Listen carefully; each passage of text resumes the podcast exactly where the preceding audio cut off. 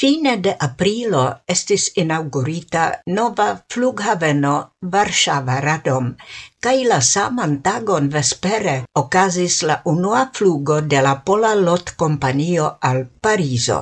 La konstruita en Radom sude de Varsovio flughaveno disponas pri moderna terminalo kun la surfaco de 30.000 kvadrataj metroj. Krom la flughavena parto, gi enhavas grandan komercan halegon, kun cafeoi, sendoganai sendoganaj infanai infanaj protektochambroj lut placoi. Comence gi priservos circa unu milionon da passageroi iare, gis cele ec pli ol tri milionoin.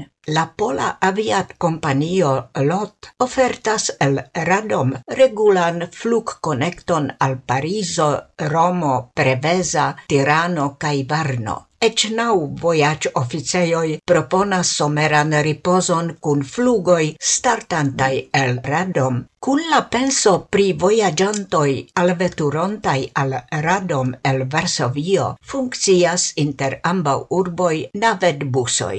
La flughavenon eblos atingi ankaŭ el la urba stacidomo per busoj.